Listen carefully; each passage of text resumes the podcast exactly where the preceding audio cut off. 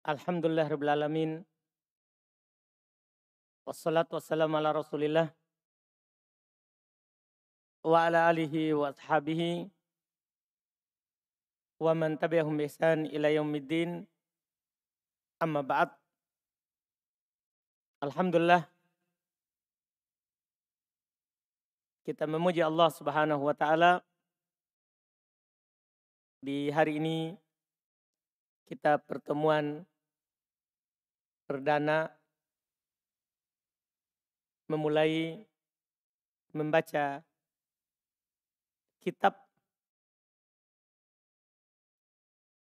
lanjutan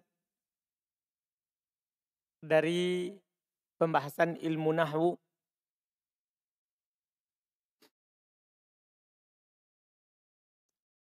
Karena kitab yang pertama yang kita ambil adalah matan Al-Ajurumiyah. Tulisan dari Abu Abdullah Muhammad ibn Muhammad ibn Daud As-Sunhaji yang lebih dikenal dengan Ibn Ajurum. Sehingga bukunya dikenal dengan Matan Jurumiyah. Maka kita lanjutkan buku kedua masih tentang matan jurumiyah tapi kita baca syarah supaya kita naik tingkat lebih luas lagi daripada sebelumnya. Jadi masih kitab sebelumnya tapi ditambah pembahasan syarahnya, penjelasannya. Supaya kita memiliki pemahaman yang lebih luas lagi tentang nahwu. Kita pilih walaupun syarah matan jurumiyah itu banyak banyak sekali yang mensyarah matan jurmiyah. Tapi dalam bacaan kita syarah matan jurmiyah kali ini kita pilih kitab At-Tuhfatus Saniyah.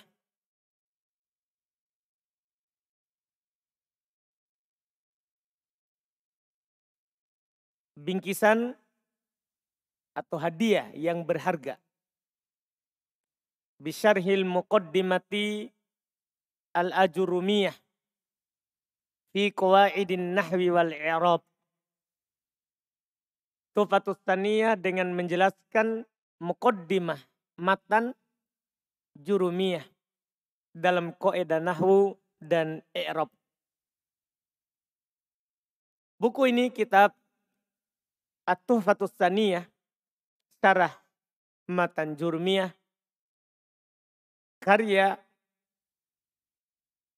Syekh Muhammad Muhiddin Abdul Hamid. Dia adalah orang Mesir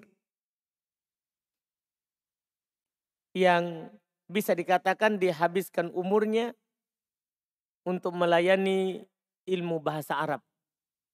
Ilmu nahwu dan sorob. Tidak ada satu kitab bahasa Arab kecuali pasti dia syarah, jelaskan atau dia tahkik. Dia beri catatan kaki. Dia beri catatan kaki. Mulai dari yang dasar sampai yang paling tinggi. Ini dia syarah Matan Jurumiyah, kitab dasar. Dia syarah kitab yang setelah ini nanti. Mutammimah al-Ajurumiyah. Dengan syarah yang sangat luas. Dia beri judul dengan Al-Kawakibud Durriyah. Syarah Mutammimah al-Ajurumiyah. Jadi Al-Jurumiyah ini nanti ada matan yang lebih luas lagi disempurnakan. Sehingga semua bab nahwu ada. yang kita baca setelah nanti buku ini. Kita akan membahas yang lebih luas lagi. Itu disyarat juga oleh Muhyiddin. Dia taklik juga kotur nada. Buku yang kita akan pelajari dia masuk dalam buku kelima. Terus dia taklik juga Ibnu Akil, Syara Alfiyah Ibnu Malik.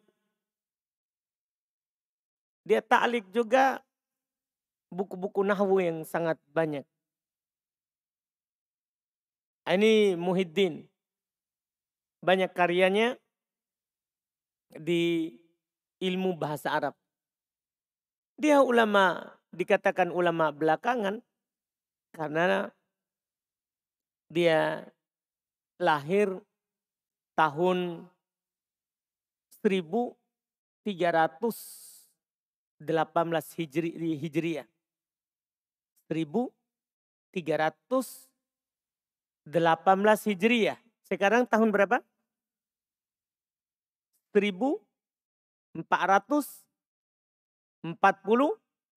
hmm? Hmm? 43 Hijriah. 1400. Belum hidup, lahir 1300. Artinya belum lama ada penulis. Ulama belakangan dari ulama Nahu yang dia habiskan umurnya itu di buku Nahu karyanya terbanyak. Dan di buku Sorof. Dia punya kitab Sorof tersendiri. Judulnya Durus Tasrif. Iya. Kitab tersendiri. Yang lainnya belum syarah taklik. Catatan kaki atau dia jelaskan. Atau dia jelaskan. Artinya ini penulis adalah memang ahli di bidangnya. Ahli di bidangnya. Walaupun ada kritikan sedikit terkait dengan keyakinannya. Seperti nanti akan datang dalam pengertian kalam. Seakan-akan dari pengertian yang beliau bawakan itu menunjukkan bahwa terpengaruh dengan pemahaman Asy'ariyah. Pemahaman Asy'ariyah. Nanti kita akan jelaskan saat datang kalam belum mengarah ke situ. Tapi secara keilmuan dalam ilmu bahasa itu memang dia ahli di bidang ini. Dia ahli di bidang ini. Cukup menunjukkan keahliannya itu tadi. Tulisannya dalam bahasa sangat banyak. Saya katakan tadi ini buku di antara buah dari ilmunya. Dia syarah Matan Jurumiyah syarah yang cocok untuk pemula. Syarah yang cocok untuk pemula. Setelah itu dia meluas di buku setelahnya. Tapi kita tidak baca nanti karena terlalu meluas. Di buku setelahnya. Di Kawakib Ad-Durriyah. Dia syarah empat jilid. Buku ringkas tapi dia syarah empat jilid. Tulisan. Iya. Yeah. Ini buah dari ilmunya. Dia ta'lik dia kasih catatan kaki terhadap syarah Ibn Akil. Dia kasih catatan kaki terhadap syarah Kotur Nada. Terus dia kasih catatan kaki terhadap Audhil Masalik. Ila Alfiyat Ibn Malik. Ibn, Haj, Ib, uh, Ibn Hisham. Dia syarah Alfiyat Ibn Malik. Empat jilid. Terus dikasih catatan kaki oleh Muhyiddin. Dikasih catatan kaki oleh Muhyiddin. Nah, ini orang dihabiskan umurnya di iya ilmu bahasa. Nah, ini pekerjaan tentunya tidak mudah. Iya. Kita saja bilang catatan kaki mata jurmiah sudah hebat. Padahal itu tidak ada apa-apanya. Ini banyak orang kasih catatan kaki semua buku bahasa. Semua buku bahasa. Dia meninggal di Kohiroh, Mesir. Tahun 1393. Lahir 1318. Meninggal 1393. Berarti berapa umurnya? Siapa yang bisa hitung cepat? Jadi lahirnya di Mesir 1318. Meninggalnya juga di Kohiro, Mesir 1393. Berapa umurnya itu? Hmm? Hmm? Apa Ilham? 75. Yakin. Sudah benar hitungannya itu. Hmm? Hah? Sudah benar hitungannya? Hmm? Alhamdulillah. Ya. Ini Muhyiddin. Ini secara singkat. Ini secara singkat biografi penulis. Tempat lahir, karyanya. Kita sebutkan karyanya supaya kita percaya akan apa yang belum berikan nanti berupa faedah. Bahwa faedah yang belum berikan itu berdasarkan penelitian. Berdasarkan apa? Penelitian yang panjang. Kita langsung masuk membaca mukaddimanya Muhyiddin yang tertulis kalau dicetakan saya muqaddimatus syarih dicetakan saya yang ada tulisan beliau Bismillahirrahmanirrahim Alhamdulillahi wa kafa. Sudah lihat semuanya? Kita mulai dari situ. Sudah antum buka?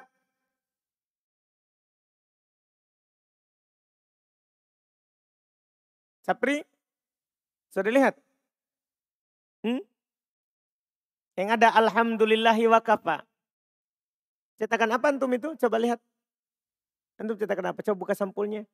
Coba hulal. Banyak yang pegang hulal kan? Kalau di hulal halaman 29. Karena di awalnya itu pendahuluan-pendahuluan percetakan. Kita tidak baca. Kita langsung pendahuluan penulis. Sudah lihat di buku halaman 29. Ini yang cetakan hulal. Halaman 29. Sudah buka semuanya? Kalau di cetakan ini, cetakan saya, saya cuma tupah saja, bukan hulal yang saya pegang. Ya. Itu di halaman sama juga 29. Jadi beda cetakan tapi halamannya sama. Halamannya apa? Sama. 29. Dipahami kan? Jadi buka halamannya. Sudah? Jadi mulai dari situ kita pelajari. Karena sebelumnya itu cetakan eh, mukodima dari percetakan. Kita baca Bismillahirrahmanirrahim.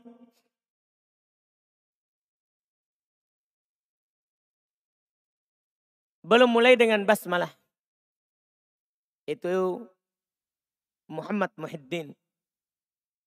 Rahmahullah. Tentunya sebagaimana yang kita sebutkan di kitab sebelumnya. Ini mencontoh Al-Quran. Juga mencontoh Nabi SAW dalam menulis. Dan mencontoh para penulis. Mereka memulai tulisannya dengan apa? Bismillah. Dengan nama Allah Ar-Rahman Ar-Rahim. Yang maha penyayang dan maha pengasih. Alhamdulillahi wa kafa. Setelah itu setelah basmalah beliau hamdalah. Memuji Allah. Ini juga mencontoh Al-Quran. Dan dalam Al-Quran setelah bismillah maka alhamdulillah. Paham kan? Beliau memuji Allah. Alhamdulillah segala puji bagi Allah. Wa kafa dan dialah yang mencukupi. Wassalamuhu dan salamnya Allah ala ibadihi alladhina atas hambanya yang terpilih. Siapa maksudnya di sini? Nabi kita Muhammad sallallahu alaihi wasallam. Ini pendek sekali. Pendek sekali. Setelah beliau memuji Allah maka beliau bersolawat kepada nabinya. Muhammad sallallahu alaihi wasallam. Kemudian beliau katakan ada syarhun Beliau ingin menggambarkan secara ringkas apa yang beliau akan sampaikan nanti ke depan. Beliau bilang hada ini adalah syarhun penjelasan wadihul ibaroti. Nanti kalau masuk kitab, anak akan kasih sedikit kenapa dibaca seperti itu. Tapi nanti di dalam. Ini baru di mukodimah, hanya kita baca saja dulu dan menerjemahkan. Kata beliau hada syarhun ini syarah penjelasan wadihul ibarati jelas ibaratnya ungkapan-ungkapan kalimat yang digunakan itu jelas nanti antum akan lihat sendiri bagaimana jelasnya Muhyiddin dalam menjelaskan matan jurmiyah. Zahirul isyarati nampak isyaratnya. Nampak isyaratnya. Ketika beliau berkata seperti ini, maka itu jelas nanti nampak bagi kita yang membaca dan mendengarnya. Danil Kitof. Iya. Dekat kitopnya. Tempat untuk memetiknya. Maksudnya ini mudah diambil, dipahami. Maksudnya mudah dipahami. Kathirul as'ilati wat tamrinat. Banyak pertanyaan dan latihannya. Hanya saja nanti kita tidak baca pertanyaan dan latihannya. Karena kita fokus pada faedah nahwunya. Karena pertanyaannya nanti di murojaahnya kita. Kan kita kan murojaah setiap hari. Kita mengulang pelajaran yang diambil hari ini besoknya. Jadi kita tidak baca pertanyaan penulis juga kita tidak baca latihan penulis. Paham kan? Walaupun latihan dan pertanyaannya banyak setelah pembahasan. Cuman kita tidak baca. Kosot tu bihi saya niatkan kosot maksudkan. Saya maksudkan tuh kan saya.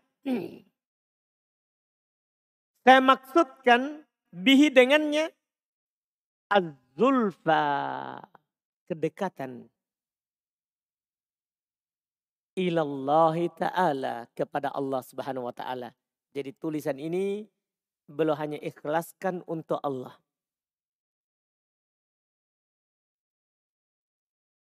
Bitaisiri pahami dengan bi dengan taisir mempermudah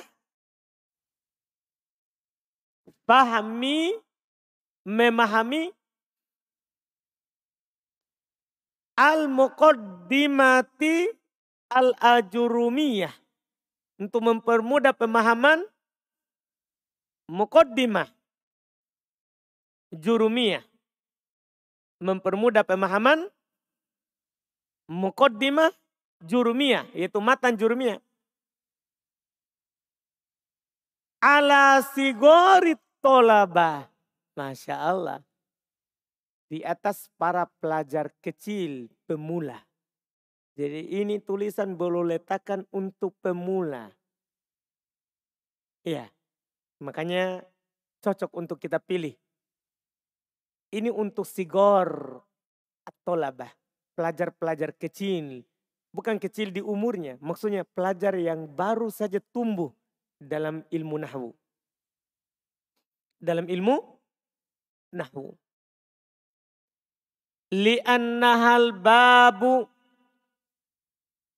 Kenapa? Beliau menjelaskan, mempermudah matan jurumiyah ini kepada penuntut ilmu yang masih pemula. Li'annahal bab. Karena dia adalah pintu. Ini pintu. Iya. Ila tafahumil arabiyah untuk memahami bahasa Arab. Kalau antum nanti mampu memahami ini kitab tufah. Bersamaan dengan sebelumnya matan jurumiyah. Kalau matan jurumiyah kan sudah aman. Antum sudah paham kemarin. Nanti tinggal lanjutannya ini apa tuh? Tufahnya, di penjelasannya. Maka akan terbuka pintu bahasa Arab. Dengan matan jurumiyah kemarin sudah sedikit terbuka. Tapi di sini lagi akan terbuka. Lebih lebar lagi itu pintunya. Iya. Sambil nanti insya Allah, sebagaimana anak katakan, mulai besok, anak katakan tadi, kita mempraktekkan yang kita tidak telah ambil sebelumnya. Kenapa saya baca doma, kenapa saya kasro, kenapa saya fathah, kenapa saya sukun. Itu nanti kita praktekkan di sini. Itu kita lakukan selama buku sorob belum selesai. Kalau sorop selesai, maka kita tidak praktek itu di sini. Kita praktek di buku setelahnya. Di sorop. Jamnya sorop kita ganti dengan praktek baca kitab. Jadi kalau sudah selesai sorop, baru kita di sini fokus nahwu, di sana fokus praktek. Tapi selama belum dapat itu, supaya tidak hilang ilmu nahwunya sebelumnya, sebelum datang latihan, maka kita sambil praktek di sini. Nanti saya kasih tahu kenapa saya baca doma, kenapa fathah, kenapa kasroh. Jadi ini belum katakan ya, ini adalah pintu untuk memahami bahasa Arab.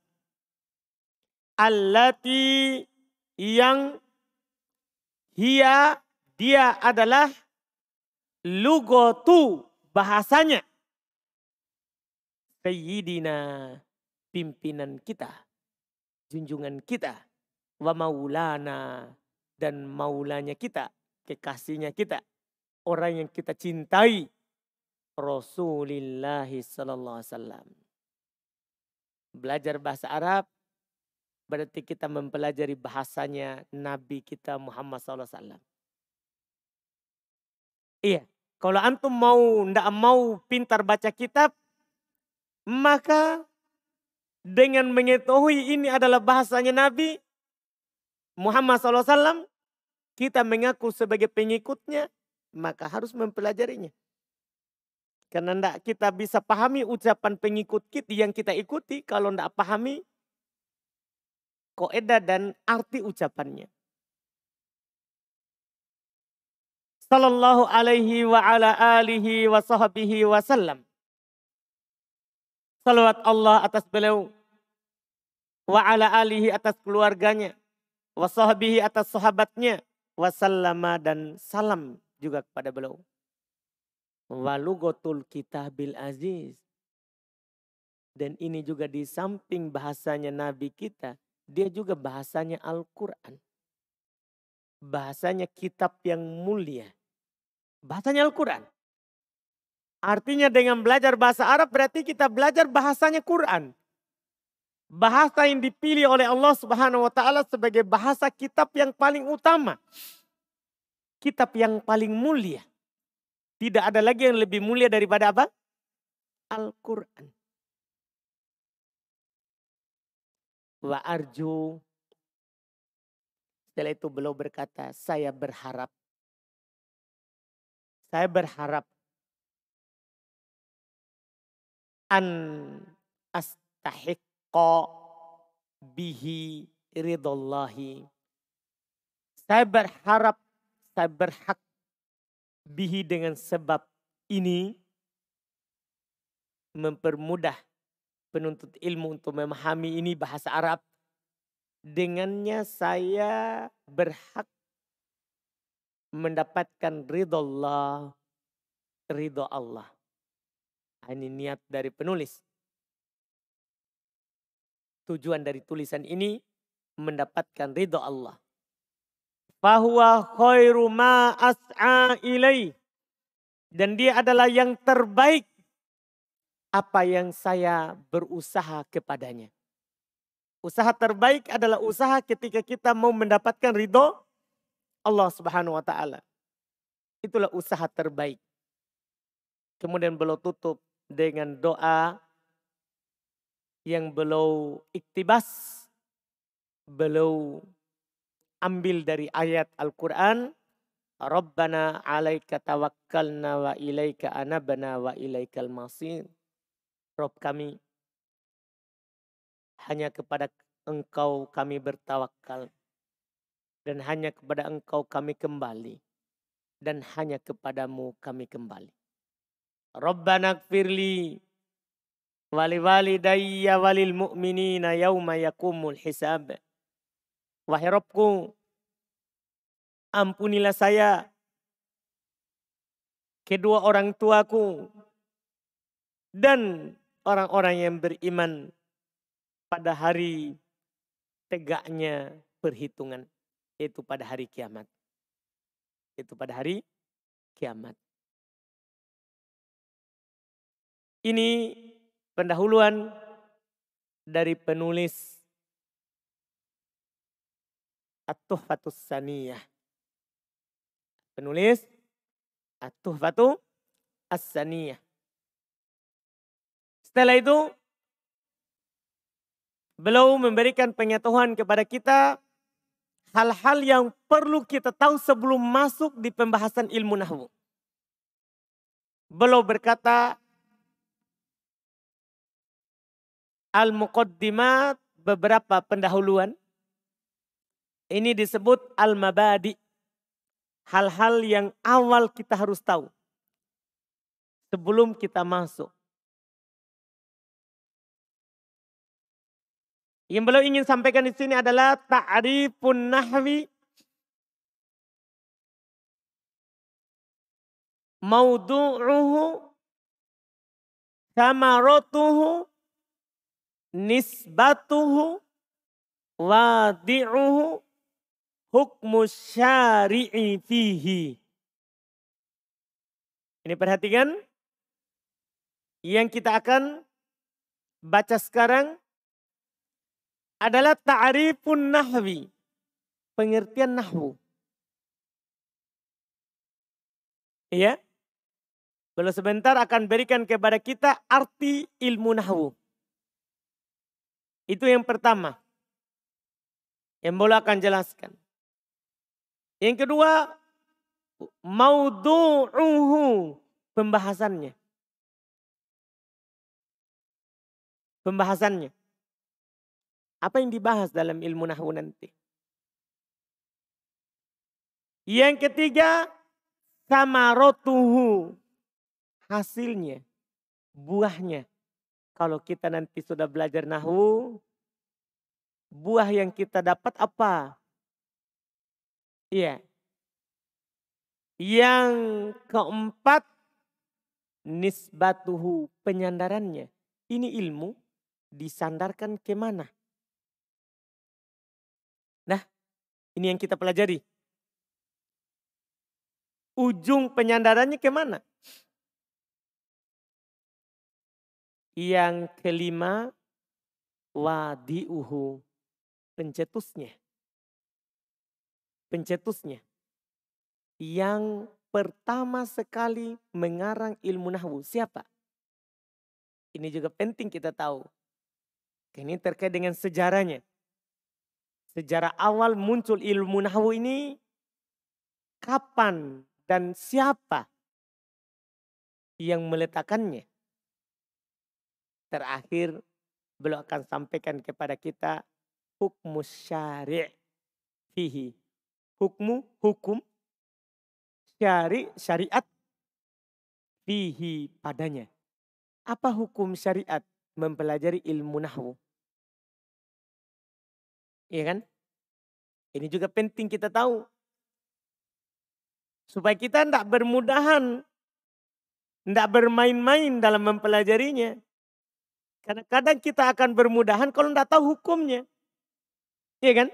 Sebagaimana hal-hal yang lain. Kalau kita tidak tahu ini wajib, ini sunnah, ini haram, ini makruh. Kita akan bermain-main.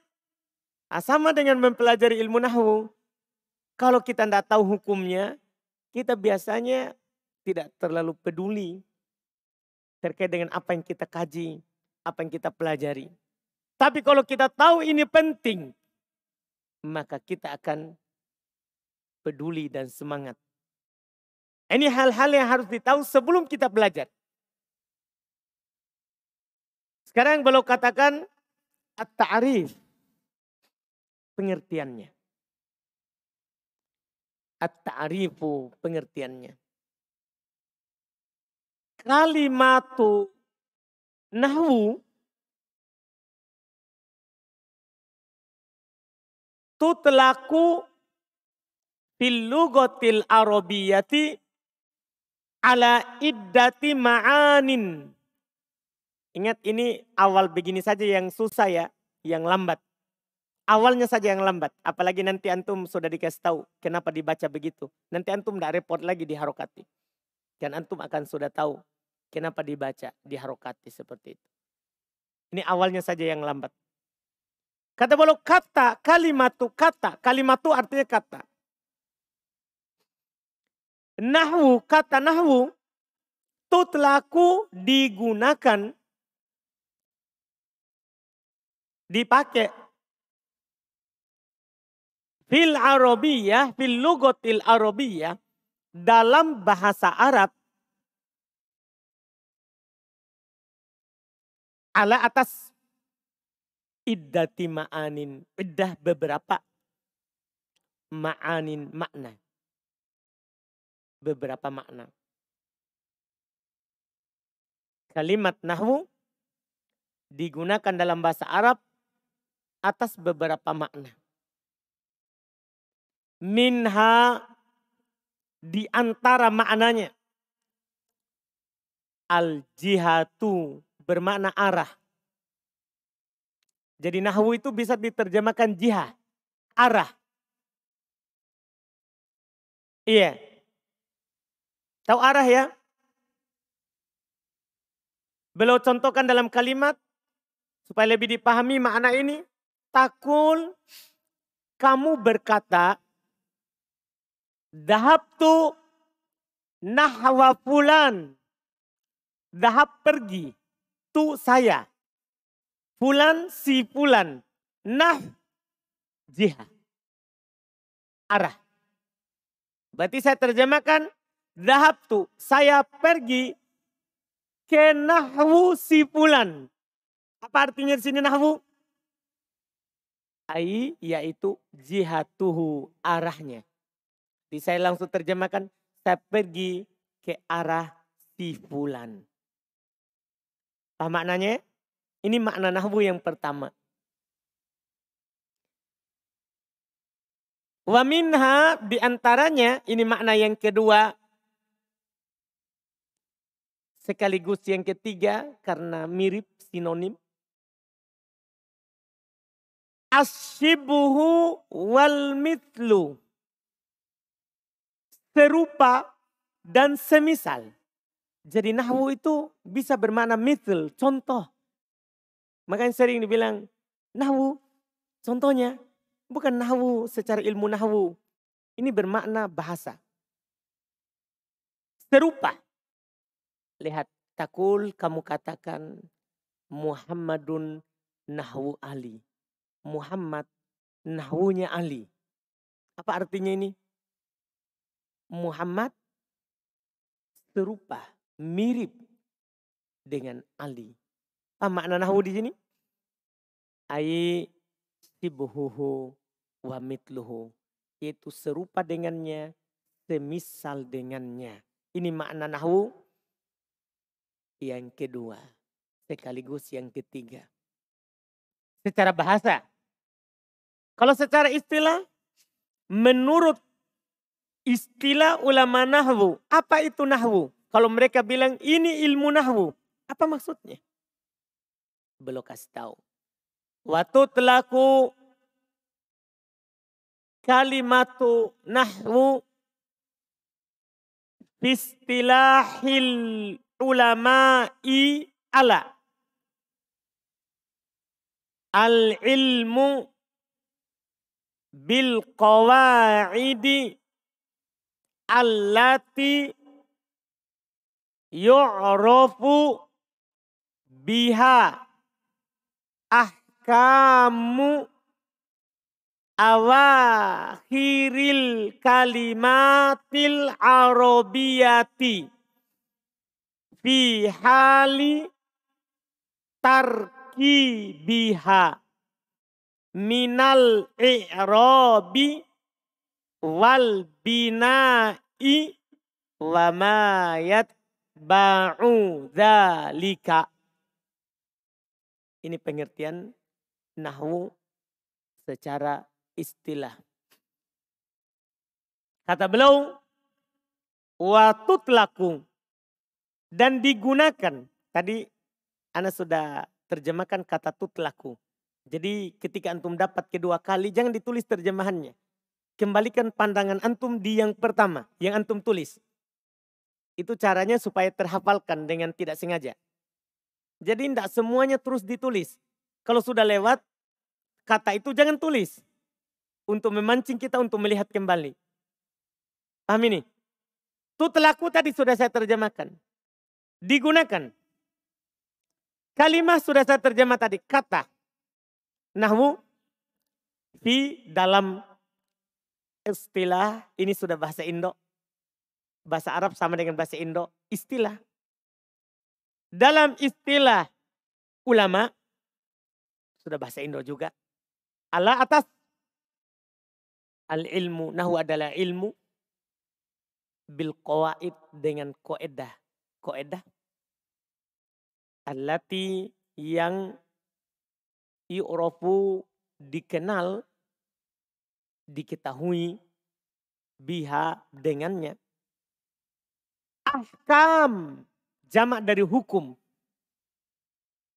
Dikenal dengannya hukum hukum. Awakhir akhir al kalimat kata.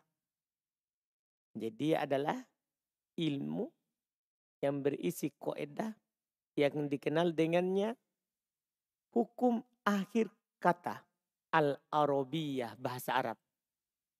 Kalau antum belajar ilmu nahwu, maka antum akan mengenal harokat akhir setiap dari kata bahasa Arab.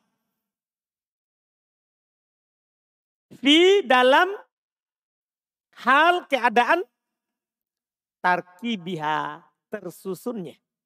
Jadi ketika kata bahasa Arab disusun, dibuat kalimat, antum akan tahu harokatnya. Lewat ilmu nahwu. Minal i'rob berupa perubahan.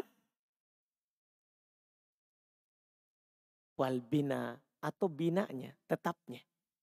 Dengan ilmu nahu antum bisa katakan ini kata berubah. Ini kata tidak berubah. Ini kata mabni, ini kata mu'rab. Dipahami ini? Dengan ilmu nahwu. Wa ma yatba'u dalik. Dan apa-apa yang ikut dalam hal tersebut. Semua yang terkait dengan hukum akhir kata itu akan dibahas dalam ilmu nahwu sampai nanti perubahannya itu ada nampak, ada tidak nampak. Paham kan? Perubahannya itu ada yang berubah dengan harokat, ada yang berubah dengan huruf. Paham ini? Itu semua akan dibahas. Itu semua akan dibahas. Ini pengertiannya. Berikutnya kata beliau, al-maudu. Apa tadi maudu? pembahasannya. Kata beliau, wa maudu'u ilmin nahwi dan wakan dan maudhu pembahasan ilmin nahwi ilmu nahwu pembahasan ilmu nahwu al kalimatul arabiyah kata-kata bahasa Arab. Ingat, jadi yang kita bahas itu kata-kata bahasa Arab, bahasa Arab. Bukan bahasa kita. Bukan bahasa Indo, bukan bahasa Inggris. Paham kan? Yang dibahas dalam ilmu nahwu adalah kata-kata bahasa Arab. Dari sisi apanya? Karena sorof juga membahas kata bahasa Arab. Sorof. Kalau nahwu apa? Dari sisi apa? Kata beliau, min jihatil bahsi dari sisi pembahasan dari sisi pembahasan an ahwaliha al-madkuroti. Tentang keadaan-keadaannya yang disebutkan tadi di pengertian. Itu berupa bina, berupa irob dan bina. Itu yang dia bahas. Tentang keadaannya yang disebutkan. Yang disebutkan ini kembali tadi ke irob dan bina. Itu yang dia akan bahas. Ini kata mu'rob enggak? Ini kata mabni. Terus kalau dia mu'rob, apa tanda i'robnya? Kalau dia mabni, apa tanda mabninya? Paham ini? Itu dia bahas. Itu dia bahas. Dia enggak bahas. Ini pecahan dari mana? Enggak, enggak. Enggak, dia enggak bahas itu. Ini kata asalnya tadi apa? Kemudian jadi ini. Enggak bahas itu dia. Dia cuma bahas sesuatu yang sudah jadi. Sesuatu yang sudah jadi. Kosa katanya, dia hanya menyinggung huruf terakhirnya apa. Itu nahu. Kemudian berikutnya astamaroh. Buahnya. Hasilnya kalau kita belajar nahu. Beliau berkata, wa samaratu ta'allumi ilmin nahwi dan buah ta'allum mempelajari ta'allum mempelajari ilmin nahwi ilmu nahwu sianatul lisan. Sianah menjaga. Menjaga. Al-lisan ucapan. Anil koto. Dari kesalahan. Fil kalam. Dalam berbicara. Al-arabi berbicara dengan bahasa Arab. Kalau antum belajar nahwu maka pembicaraan antum tidak salah. Paham? Tapi kalau tidak belajar nahwu akan hancur. Kalau kita berbicara Arab karena di nahwulah diatur susunannya. Ini di depan, ini di belakang. Terus ini harokatnya doma atau fathah atau kasro. Di nahwu. Dengan belajar nahwu, hasil yang kita dapatkan adalah menjaga lisan kita dari salah. Ketika berbicara bahasa Arab. Makanya ini ilmu pertama dulu. Teorinya. Baru berbicara. Walaupun sebagian orang kadang mau langsung berbicara tanpa teori. Bagus, bagus cepat berbicara. Tapi bahayanya nanti dia akan terbiasa berbicara salah. Tidak sesuai dengan koedah. Dipahami kan? Bagus seperti itu. Kalau orang langsung mau bercakap, tinggal hafal kosakata, susunnya kita sendiri susun tanpa aturan. Paham kan? Iya. Di Nahwu tidak. Dia mengatur dulu susunannya. Setelah itu kita datangkan katanya dan kita tempatkan di posisi yang benar. Makanya orang Nahwu disebutkan oleh sebagian ulama jinnya bahasa Arab. Karena dia tahu ini salah, ini benar ini harokatnya ini seharusnya bukan itu. Iya. Ini yang disebutkan. Ini pertama, menjaga kesalahan dalam berbahasa. Kedua, wa fahamul Qur'anil Karim. Memahami Al-Quran Al-Karim. Karena Quran bahasanya bahasa Arab. Kalau antum belajar nahwu, maka antum akan paham bahasa Quran. Paham Quran. Wal hadithin nabawi. Dan antum akan memahami hadith Nabi. Karena kenapa? Nabi kita bahasanya apa? Bahasa Arab. Kita akan paham ucapan beliau kalau kita paham bahasa Arab. Nah, kalau ada orang mau paham Quran, mau paham hadith, tapi tidak belajar bahasa Arab. Cuman dia mau paham. Maka ini sama dengan orang yang mau mimpi tapi tidak tidur. Dia mau bermimpi tapi tidak tidur. Mau sekali mimpi tapi tidak tidur. Bisa enggak? Bisa enggak? Tidak bisa. Tidak ada orang bisa mimpi kalau tidak tidur. Nanti itu dia akan ada mimpi kalau apa? Tidur. Kan ini adalah sesuatu keharusan. Mau paham Quran, mau paham hadis, harus bahasa Arab dipelajari. Harus. Oleh karena itu para ulama mengatakan sebagaimana juga nanti kita akan lihat di hukum syari'inya itu belajar bahasa Arab bisa fardu ain. Bisa fardu kifayah. Yang jelas bukan sunnah. Dia antara fardu kifayah sama fardu ain. Dua saja. Nanti dibahas di hukum. Kata beliau al fahaman sohihan dengan pemahaman yang benar. Kalau ada orang paham Quran tanpa bahasa Arab, pemahamannya tentunya akan cacat. Tapi kalau dengan bahasa Arab, maka kita akan memahami Quran dengan pemahaman yang benar. Alladaini huma aslu syariatil islamiyah.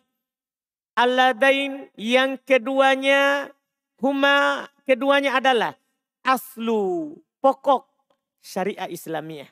Maksudnya keduanya di sini Al-Quran dan hadis. Itu pokok landasan syariat Islam. Wa alaihi ma madaruha. Di atas keduanya porosnya, madarnya, tempat berputarnya. Syariat Islam hanya berputar berputar pada Quran, hadis. Ini wajib dalil Quran. Ini wajib dalil sunnah. Ini sunnah dalil Quran. Dalil hadis. Paham kan? Ini haram. Qurannya, hadisnya. Ini makruh. Qurannya, hadisnya. Paham kan ini? Kalau antum berbicara syariat, maka pasti antum berbicara tentang Quran dan hadis. Tidak boleh tidak. Tidak boleh tidak. Maka dengan mengetahui buahnya ini, berarti ilmu nahwu ini bukan ilmu yang sepele. Ini ilmu penting. Ini ilmu penting. Karena kita memahami dengannya apa yang menjadi poros syariat Islam. Iya, menjadi poros syariat Islam. Nah, sampai di situ dulu. Kita sampai buah insya Allah Besok kita